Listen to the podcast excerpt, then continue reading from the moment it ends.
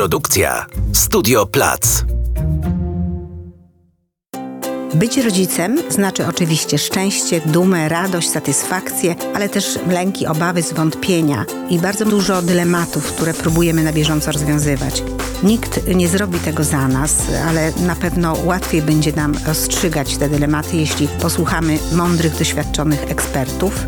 Ja nazywam się Alina Gutek, jestem dziennikarką Zwierciadła i będę w imieniu rodziców rozmawiać z tymi ekspertami. Dzień dobry. Zapraszamy dzisiaj na kolejny odcinek podcastu Dylematy Mamy i Taty. Będziemy rozmawiać o tym, czy kumplować się z nastolatkiem. I do rozmowy na ten temat zaprosiłam panią doktor Dorotę Wiśniewską-Juszczak, psycholożkę z Uniwersytetu SWPS w Warszawie, mamę, co ważne, dwójki nastolatków. Chciałam na początku zapytać, czy pani kumpluje się ze swoimi dziećmi? A to jest dobre pytanie. Dzień dobry Państwu. Nie, nie kumpluję się ze swoimi dziećmi e, i rzeczywiście e, chyba nigdy to nie było moim celem, żeby być ich przyjaciółką. Nie było to też w moim myśleniu o tym, co to znaczy być mamą, czyli no właśnie, jaka jest moja rola, o co chodzi w tej roli. E, to nie myślałam o tym, żeby być przyjaciółką. To, tak, no właśnie. Dlaczego? Właśnie dlaczego? dlaczego? Ponieważ wiele rodziców no, tak postrzega też swoją rolę, zwłaszcza rodziców na, e, nastolatków, że już koniec tego y, pouczania, tego kontrolowania, że teraz będę się do nich zbliżał w ten sposób i tak dalej. Czy to nie, czy dlaczego według Pani to nie jest dobry pomysł? To też oczywiście jest tak, że jak powiedziałam tak bardzo zdecydowanie, że nie jestem e, dobrą kumpelką dla moich mhm. dzieci, to też jest tak, że ja cały czas sobie zastanawiam się, jakim być rodzicem. Mhm. I tak jak zmieniają się moje dzieci, tak i ja się zmieniam w tej roli rodzicielskiej. I pewnie jest rzeczywiście taki moment, który przychodzi właśnie w okresie e, nabywania dorosłości przez nasze dzieci, że też e, trochę zmienia się nasza rola rodziców. Mhm. Ale to nie oznacza, że ta rola rodziców ma się zmieniać w takim kierunku rozluźniania zasad. No bo tak nam się wydaje, prawda? Wydaje nam się często, że to jest taki moment, kiedy nasze dzieci już, e, już właściwie są u progu dorosłości. Moje dzieci mają, mój syn ma 14 lat, a moja córka ma lat 18, hmm. więc są rzeczywiście w takim okresie nastoletnim bardzo. I no i właśnie, to jest pytanie, czy to jest czas na rozluźnianie zasad, czy u Zosi osiemnastolatki to już bardziej, a u Franka czternastolatka to mniej. Mhm. E, to, to, to oczywiście jest takie ciągłe wypracowywanie w trakcie tej relacji. Mhm. Natomiast ja rzeczywiście myślę sobie na podstawie różnych badań, o których wiem z racji wykonywanego zawodu e, i, pracy na uczelni, że, e, że to jest to, po pierwsze, to jest bardzo trudna rola, niezwykle trudna rola. I po drugie, że my jesteśmy do czego innego potrzebni dzieciom naszym, mhm. niż do e, bycia ich przyjaciółmi. Jesteśmy potrzebni do tego, żeby nauczyć ich, jak być dobrym przyjacielem, ale nie będąc dla nich przyjaciółmi w tej relacji, w której jesteśmy. Mhm. To, to ciekawe, bo rodzicom wydaje się to takie naturalne, że w pewnym momencie życia e, dzieci potrzebują właśnie tej, tej przyjaźni naszej, ale nawet abstrahując od, od takiego myślenia rodziców, takiej motywacji do kumplowania się, to też inną, tak myślę, motywacją jest to, żeby poznać świat dziecka, tego nastoletniego, które jednak dryfuje w różnych kierunkach i żeby e, to dziecko kontrolować w pewnym sensie, żeby wiedzieć, czym ono żyje, jakich ma przyjaciół, no to fajnie jest się zakumplować, chodzić gdzieś z nim razem, zapraszać go do swojego mhm. świata. Czy to jest y, dobra jakby strategia, mhm. czyli taka chęć poznania świata dziecka poprzez takie właśnie bycie z nim no tak na takich zasadach już innych niż rodzic i dziecko? Mhm. Tak, no właśnie, no bo to z jednej strony ważne jest, żebyśmy byli przyjacielscy, żeby dzieci miały do nas zaufanie, tak? Mhm. Bo to jest, to jest kluczowe do tego, żeby budować dobre, dobre relacje z dziećmi. Ale tu jest pewna pułapka. Rzeczywiście badania wskazują, że wszystkie dzieci kłamią. I hmm. nie ma złudzeń co do tego, że nasze dziecko jest wyjątkowe i nigdy nas nie okłamie. One potrzebują, nawet potrzebują czasami dla zbudowania swojej tożsamości, dla zbudowania swojej niezależności, e, nie opowiadać wszystkiego rodzicom. A w relacji przyjaciela, przyjaciel, przyjaciel, przyjaciółka, przyjaciel, e, rzeczywiście e, ważne jest, żeby opowiadać o wszystkim, żeby dzielić się wszystkimi sprawami, które, które, których doświadczam e, w codziennym takim funkcjonowaniu. Tymczasem w relacji z rodzicem rzeczywiście dziecko, które buduje swoją tożsamość, które buduje swoją dojrzałość, które e, mm, za chwilę ma doświadczać e, umiejętności radzenia sobie z problemami, Mówienie rodzicom o wszystkim, zwracanie się do nich, a to jest nasza potrzeba, prawda? Ja mam taką samą potrzebę jak wszyscy, bo to, tak jak powiedziałam, ja jestem w ciągłym dylemacie i też miałabym taką mhm. potrzebę, żeby moje dziecko pierwsze przyszło do mnie wtedy, kiedy pojawią się jakieś trudności mhm. i problemy. I tu jest pewien paradoks, bo oczywiście to jest bardzo istotne, natomiast paradoks polega na tym, że w głowach dzieci rodzi się taka myśl i takie przekonanie, jeżeli ja proszę rodziców o pomoc, jeżeli ja z każdą trudnością przychodzę do mamy, taty, to znaczy, że ja jestem jeszcze niewystarczająco dojrzały, jeszcze jestem niewystarczająco nie, nie, mam umiejętności do tego, żeby poradzić sobie z problemami. Czyli w zasadzie, w pewnym sensie, Badacze nawet tak o tym mówią, my kastrujemy w ten sposób swoje dzieci, że mhm. one nie mają przestrzeni do tego, żeby się zderzyć z tymi trudnościami e, i doświadczyć e, właśnie tego poradzenia sobie z tym. E, mhm. tym samym właściwie nabycia takich kompetencji, takiego poczucia też pewności, mhm. że proszę bardzo, nie zwróciłem się do mamy, nie zwróciłem się do taty, poradziłem sobie. Albo może nawet sobie nie poradziłem. Może to nie jest takie poradzenie, jak sobie wyobrażalibyśmy w świecie dorosłych. Może nawet odniosłem porażkę, ale to jest moja porażka. Ona mnie buduje. Mm -hmm. I, y, I, rozumiem tę trudność, tak? W takim rozróżnieniu, bo z jednej strony chcielibyśmy, żeby dziecko przyszło i być może przyszło do nas i opowiedziało o tych trudnościach i być może to budowanie relacji przyjacielskiej jest właśnie też tym motywem który mhm. nas napędza do tego, tak? Jak będę zaprzyjaźniona, to mój syn, moja córka nie będą się obawiali, nie, nie, nie bojąc się, nie obawiając się konsekwencji, przyjdą do mnie z trudnościami. I tymczasem paradoks polega właśnie na tym, że w głowach naszych dzieci pojawia się taka myśl, skoro idę z trudnościami, to znaczy, że ja nie mhm. mam tych umiejętności. Tak, no jest taka teoria no, rodem z psychoanalitycznej się wywodząca, która mówi, że w pewnym sensie nastoletniość i ten bunt y, nastoletni to jest jakby takie symboliczne y, morderstwo rodziców. Mhm. W tym sensie, że oni muszą tych rodziców, w cudzysłowie oczywiście, zabić, żeby móc siebie na nowo zbudować. Oczywiście to jest drastyczne porównanie, ale coś w tym jest.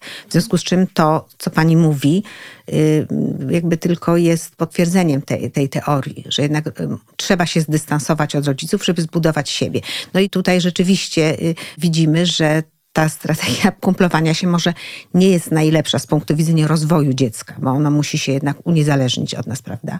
Ale, ale taka potrzeba rodziców, żeby poznawać świat dziecka jest bardzo silna, no bo jesteśmy rodzicami nawet jeśli tu nie chodzi o kontrolę, bo kontrola kontrolowanie dziecka nie jest niczym chyba takim najlepszym, to chodzi o, tak, no, o po prostu nasz, nasze, naszą obawę, żeby, żeby wszystko było dobrze, tego, żeby się mu nic nie stało i tak dalej. Jak realizować te swoje pragnienia, takie, jak, jak się bać mądrze o dziecko w tym wieku. Mhm. Ja jeszcze wrócę ponownie do tego dylematu rodzicielskiego, mhm. który, z którym być może e, każda z nas, mama, każdy z nas tata, każdego dnia, y, każdego dnia doświadcza tego dylematu.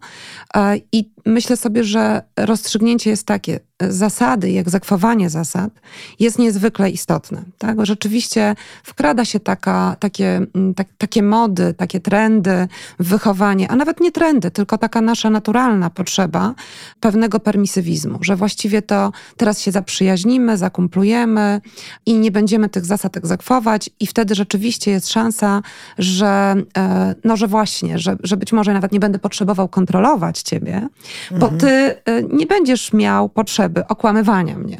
I tu wracamy do tego mm, punktu, o którym wspominałam, że badania wskazują, że każde dziecko mhm. E, okłamuje, żeby utrzymać dobrą relację z rodzicem. No i właśnie, i na czym polega tutaj znowu kolejna taka pułapka, w którą wpadamy. Mhm. Okazuje się, że rodzice, którzy egzekwują zasady, którzy rzeczywiście mają tą umiejętność wprowadzania zasad, ale przede wszystkim egzekwowania i nie rozlicznych zasad, nie nastu zasad, bo tych się nie da wyegzekwować, ale na przykład takich, że umawiamy się, że e, zawsze wracamy do domu przed 22 A mhm. jeżeli nie wracamy, to uzasadniamy, rozmawiamy o tym, dlaczego nie jest możliwy powrót, albo dlaczego dziecko chciałoby zostać dłużej na jakimś spotkaniu, ale że mamy jakąś zasadę i odstępstwo od tej zasady dyskutujemy. Mhm. Bo znowu, co się okazuje? Okazuje się, że i to e, z badań amerykańskiej badaczki Nancy Derling, bardzo nieoczywista i nie taka intuicyjna um, wynika e, konkluzja, że dzieci, które nie mają nakładanych zasad, które nie mają tej odrobiny, no właśnie takiego kontrolowania, ale w odniesieniu do jasno postawionych reguł, mają przekonanie, że ich rodzice przez ten permisywizm, przez to zaprzyjaźnianie się, w zasadzie pozbywają się swojej roli. Właściwie mhm. im nie zależy. Skoro mhm. nie egzekwujesz, skoro e, nawet to, to, to, to, może to uspokoić, e, drodzy Państwo, Was, że to, że nie robisz mi awantur po tym, kiedy złamałem jakąś zasadę, to znaczy, że ci nie zależy.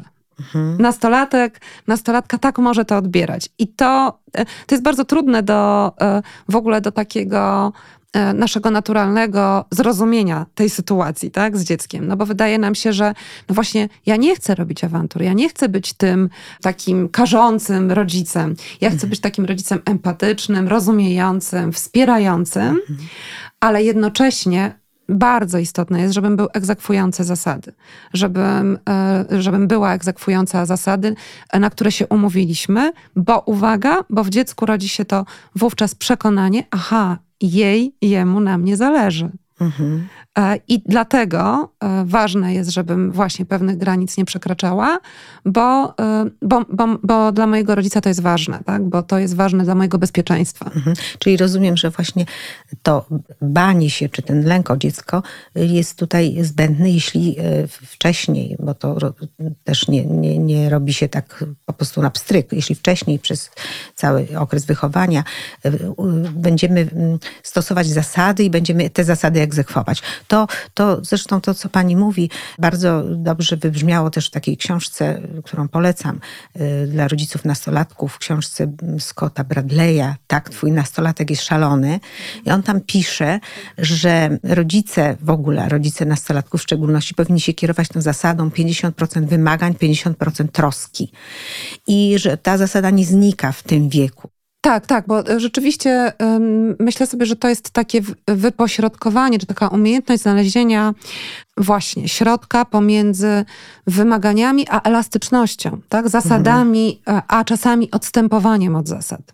Bo to też nie o to chodzi, że umawiamy się i że nigdy po tej 22 nie możesz wrócić, bo kiedy są urodziny przyjaciółki albo jakieś bardzo ważne towarzyskie wydarzenie, to z naszej strony ta umiejętność negocjowania z dzieckiem, ono też wtedy doświadcza sprawczości, że ono przekonało, tak? że ono rzeczywiście e, potrafiło uargumentować swoją potrzebę i wówczas my możemy od tego odstąpić. Znaczy możemy, warto wtedy od tego odstąpić, od tej zasady, pokazując dziecku, rozumiem twoją potrzebę i możemy się umówić na to, że wrócisz po północy, czy, czy, czy ja po ciebie przyjadę o takiej godzinie, o której yy, już będziesz miał poczucie, czy będziesz miała poczucie, że, że to jest czas na domknięcie tego spotkania.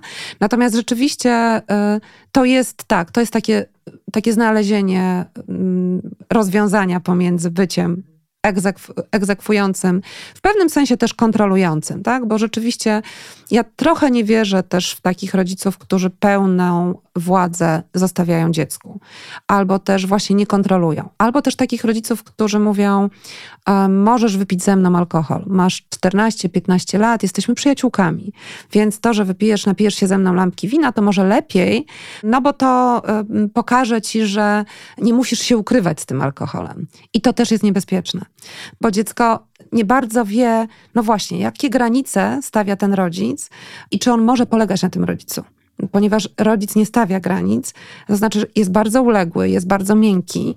W związku z tym, e, czy on jest dla mnie wystarczająco bezpiecznym oparciem? Tak? Jeżeli on nie egzekwuje ode mnie, jeżeli on nie wymaga, no w pewnym sensie można powiedzieć, że to jest o odpowiedzialności wynikającej z władzy rodzicielskiej. Tak? Jeżeli on nie widzi, że, bo wszyscy, bo przecież dzieci, y, współczesne dzieci, współczesni nastolatkowie bardzo dużo wiedzą o konsekwencjach picia alkoholu, czy o mhm. konsekwencjach łamania pewnych norm i zasad. I kiedy rodzic mi naturalnie mówi, tak, ze mną możesz łamać te normy, mhm. ze mną możesz łamać te zasady, bo zobacz, jestem twoją przyjaciółką, przyjacielem, to dla dziecka jest to jakiś rodzaj, e, no właśnie, budzi to niepokój. Tak? To znaczy, czy ja mogę polegać na tym rodzicu?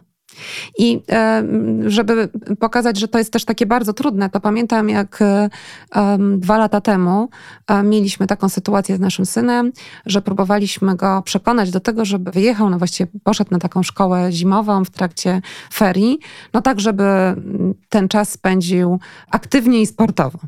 No i rzeczywiście wiemy, że Franek tego bardzo nie lubi, niechętnie się pojawia na takich zgromadzeniach, takich mhm. zorganizowanych działaniach, ale właściwie sam podjął decyzję. Pozwoliliśmy mu sami podjąć decyzję. No i przyszedł dzień, w którym budzimy go do wyjścia do szkoły zimową, no ale on nie jest chętny, a więc my odwołujemy się do tego, że przecież sam podjąłeś decyzję. Mhm. Przecież sam przekonałeś się, że chciałbyś.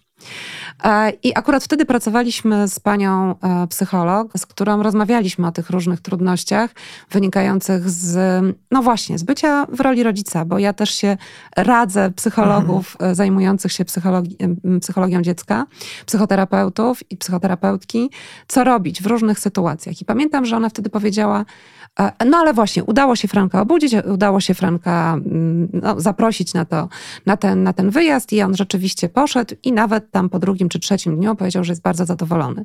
I wtedy byliśmy zachwyceni tym, jak nasza metoda wychowawcza mhm. zadziałała.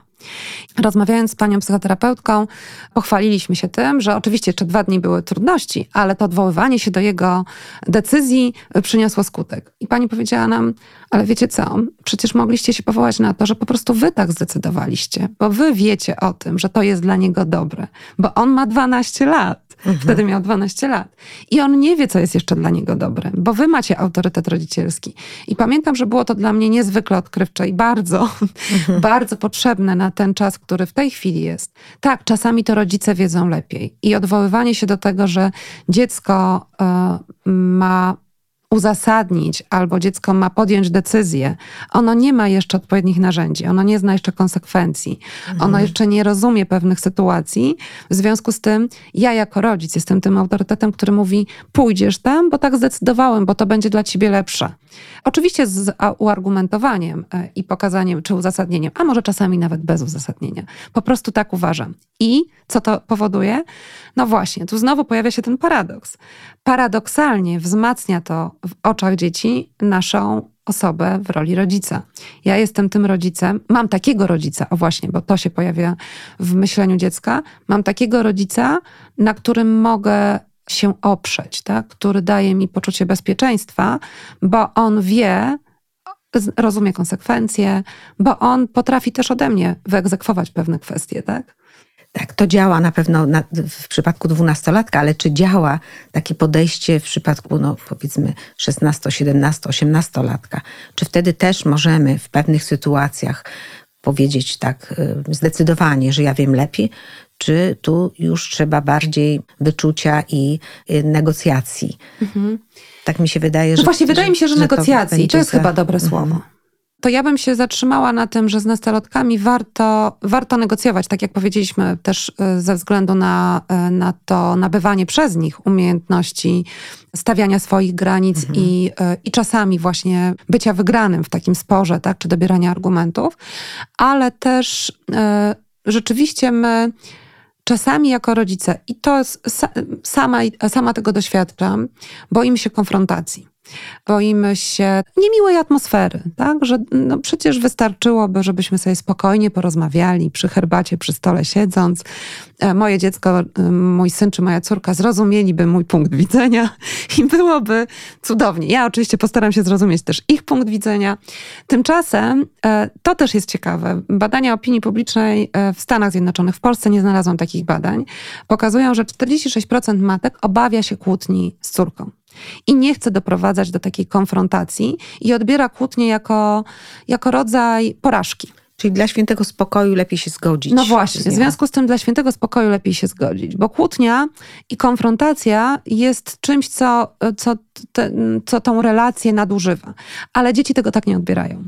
Dzieci odbierają tę kłótnię właśnie mm, tylko ponad, troszeczkę ponad 20% e, córek e, zapytanych o to e, w, w tych badaniach powiedziało, że no tak, to nie było przyjemne, ale jest to nam potrzebne. My widzimy wtedy rodzica w sytuacji, której e, potrafi bronić granic swoich, której wyraża swoje opinie. E, I to też jest modelowanie dla dziecka. Tak? Dziecko się uczy, jak wyrażać swoje opinie, patrząc na swoją matkę w relacji ze swoją córką. Tak? To, mhm. to akurat były badania dotyczące rzeczywiście córek. Ale to e, tak, to, to, to, to, to rzeczywiście jest taka nasza obawa. Tak? Ja też ją, tak jak powiedziałam, bardzo dobrze rozumiem. Nie lubię też konfrontacji, nie lubię tej atmosfery kłótni, ale ona też czasami jest potrzebna, no właśnie tak jak pani wspomniała, do tego, żeby wyrazić też siebie, tak, żeby w międzyczasie też budować swoją linię argumentacji, przekonywania.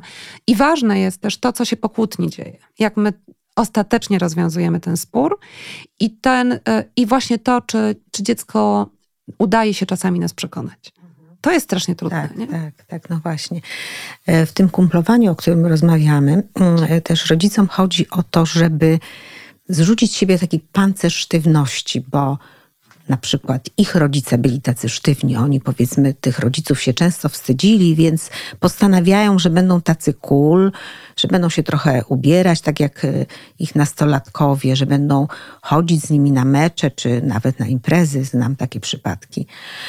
No to jest, to, to, to też jest zrozumiałe, że ci rodzice chcą jakby za wszelką cenę zbliżyć się do dziecka, bo taka, je, taka jest jakby taka praprzyczyna chyba tych ich zachowań. No właśnie, czy to rzeczywiście pomaga w, w relacjach, taki zewnętrzny cały sztafaż e, e, zbliżania się do dziecka. Powiedzmy, że mamy często pożyczają ubrania, kosmetyki, tatusiowie e, nagle interesują się grami komputerowymi i tak dalej. Czy to wszystko to dobra droga? No właśnie, to, tutaj nie ma jednej e, reguły, tak? I jakiegoś takiego, takiej sztywnej zasady, że dotąd tak, a odtąd to mhm. już nie. Bo pewnie byłoby łatwiej. Przyznaję, że mi też byłoby łatwiej jako matce nastoletnich dzieci i mojemu mężowi jako e, ojcu nastoletnich dzieci. E, tymczasem to pewnie trzeba rozważyć i wyważyć, w którym momencie my rzeczywiście budujemy tą relację i dziecko chętnie przyjmuje to właśnie wspólne imprezowanie, czy wspólne wymienianie się rzeczami, a, a kiedy tą granicę stawiamy i, dziecko, i kiedy pozwalamy mhm. postawić granicę dziecku. Bo to jest chyba też takie niebezpieczeństwo, że kiedy wchodzimy w tą relację taką, no właśnie, przyjacielską, kumpelską, to, yy, to czy my czasem nie narażamy dziecko na to, że ono też przecież będzie się bało postawić nam granicę, i e, powiedzieć, no nie, ale tutaj to już nie masz dostępu, tu już razem mhm. nie idziemy. E, albo e, moje dzieci miały taki moment w swoim życiu, że nie chciały z nami chodzić do galerii handlowych, e, zwłaszcza takich, które są blisko domu, bo mogłyby być zauważone przez innych swoich kolegów czy koleżanki. I pamiętam, że na początku było to dla mnie takim poczuciem porażki tak, tak. rodzicielskiej, ale w jakimś momencie, kiedy sobie o tym porozmawialiśmy, to ja zrozumiałam, dlaczego to jest istotne, tak? bo one chcą właśnie być spostrzegani jako tacy, którzy, no właśnie, nie chodzą za rączkę z rodzicami na zakupy, mhm. E, nie, nie podlegają tym rodzicom stale. Tak? To minęło. To jest chwila, kiedy dziecko potrzebuje się tak, e, rzeczywiście takiej autonomii i takiego poczucia niezależności zależności e, i później to mija. Tylko, że oczywiście my to odbieramy i to nas dotyka rodzicielsko, bo chcielibyśmy być tak blisko, tak? I na mhm. dodatek ta nasza intencja i to nasza potrzeba, e, no właśnie zbudowania takiej relacji z dzieckiem jest podyktowana potrzebą utrzymania bezpieczeństwa, e, potrzebą utrzymania, no budowania też właśnie takiego, takiej dobrej relacji z dzieckiem, trochę innej niż my mieliśmy w dzieciństwie, no właśnie po to, żeby ono przyszło do nas z tymi różnymi trudnościami, żeby czegoś nie przeoczyć. No właśnie, właśnie, a dziecko potrzebuje znowu tej niezależności, więc odpowiadając na to pytanie, tak próbując jakoś skonkludować, to, no to właśnie to zależy. Tak? Mhm. To zależy i pewnie trzeba być bacznym obserwatorem. Tak. I pewnie zależy też od tego, na ile to jest zgodne z nami. To znaczy, Mhm. chodzi mi o to, że my musimy być w, te, w tych sytuacjach wiarygodni, że powinniśmy być sobą, bo jeśli to chodzenie na, na imprezy, zresztą w ogóle to jest zły pomysł, ale powiedzmy, że dziecko to akceptuje, no jest w ogóle nie leży w naszych zainteresowaniach i nagle się do tego zmuszamy, to to, no to, to będzie dla, dla dziecka no, po prostu ewidentne, że, że to jest nieprawdziwe. Więc mi się wydaje, że taka rada też może być, żeby, żeby jednak też szanować swoje odczucia. To, czy ja nie robię czegoś, dlatego że tak wszyscy robią, rodzice, że wszyscy nagle, wszystkie mamy chodzą, Tak. powiedzmy, ubrane na luzie, tak jak ich nastolat, nasto, nastoletnie dzie- córki.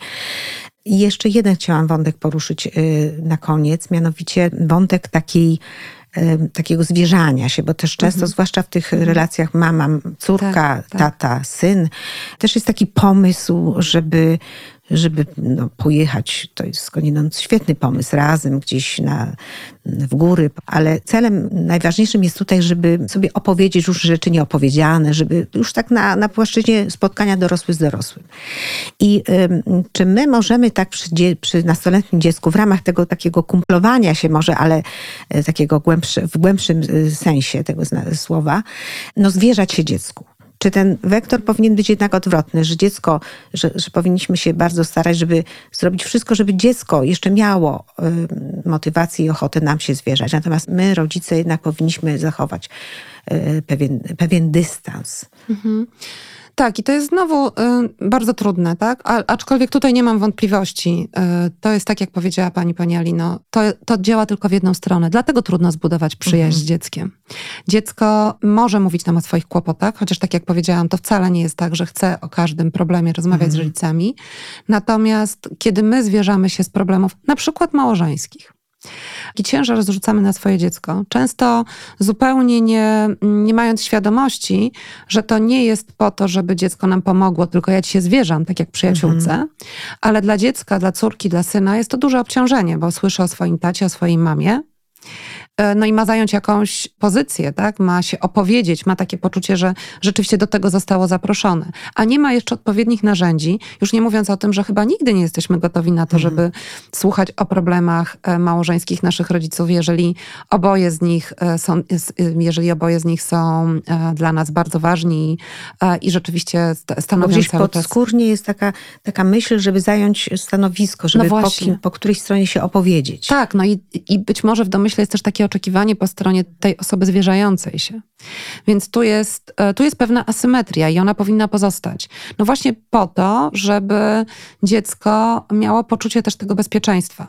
Pewnie w dorosłym życiu trochę jest już inaczej, tak? Kiedy sami mamy dzieci, e, kiedy rozmawiamy ze swoimi rodzicami, troszkę zupeł, już zupełnie Tak. innej, e, w zupełnie innej relacji jesteśmy. Tak jak powiedziałam, to, to bycie rodzicem stale się zmienia, tak? To bycie w tej roli rodzica.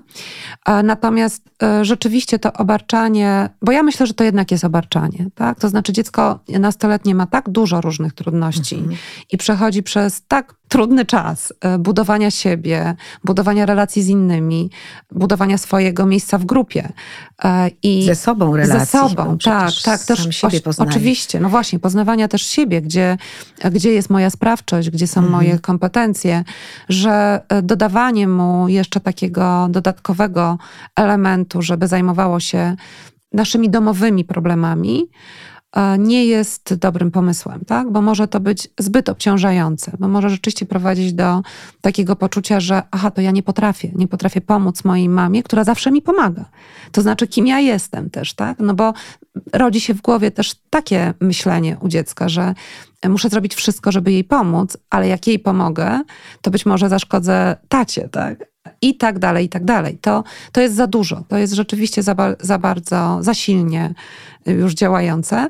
I też myślę sobie, że to, mm, tak jak wspomniała Pani o tym jeszcze byciu rodzicem, który jest taki cool, to ja myślę, że bardzo ważne jest dla nas rodziców być, y, wiedzieć o tym, że my jesteśmy w różnych rolach. I że bycie rodzicem to jest taka szczególna rola. Bardzo trudna. Ja myślę sobie, że jak, jak patrzę z perspektywy różnych ról, które pełnię, to to jest dla mnie rola, która jest najbardziej wymagająca. E, która rzeczywiście wymaga ode mnie e, często takich umiejętności, których jeszcze na ten moment nie mam, albo podejmowania takich decyzji, których wcześniej nigdy nie podejmowałam, e, ale że myślę sobie też tak, że no dobrze, to jest ta szczególna rola, a w innych rolach bycia przyjaciółką, bycia siostrą, bycia koleżanką, bycia pracowniczką, liderką, menedżerką, żoną, to rzeczywiście mogę realizować te potrzeby, które chciałabym a niejako na tych imprezach zrealizować mhm. z dzieckiem. No to, to gdzie indziej. To mhm. może gdzie indziej, niekoniecznie tutaj. Więc reasumując, to nie jest dobry pomysł, kumplowanie się z nastolatkiem, ponieważ on oczekuje od nas bycia rodzicem, bycia opoką, ostoją, kimś, kto jednak cały czas trochę wie lepiej, nawet jeśli te, to jego zdanie y, no, nam się nie podoba, nam jako nastolatkom.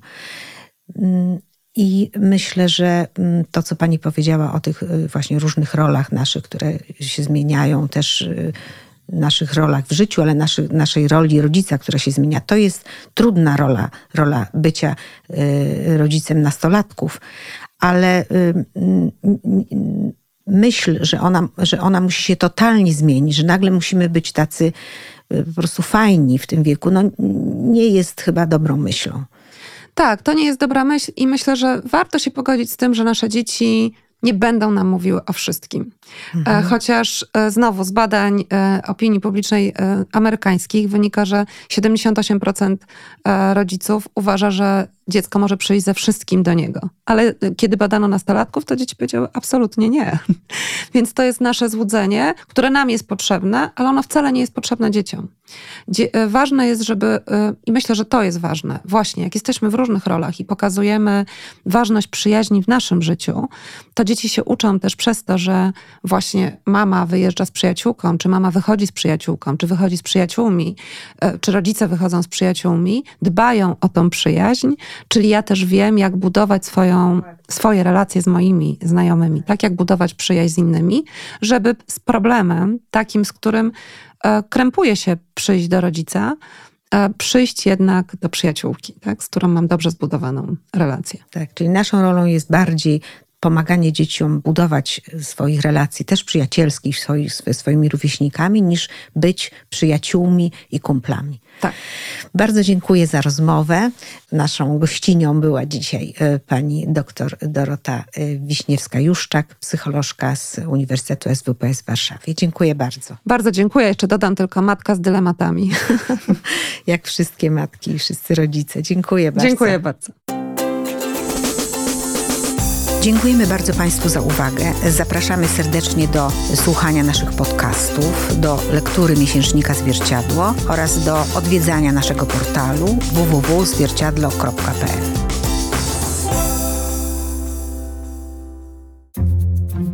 Produkcja Studio Plac.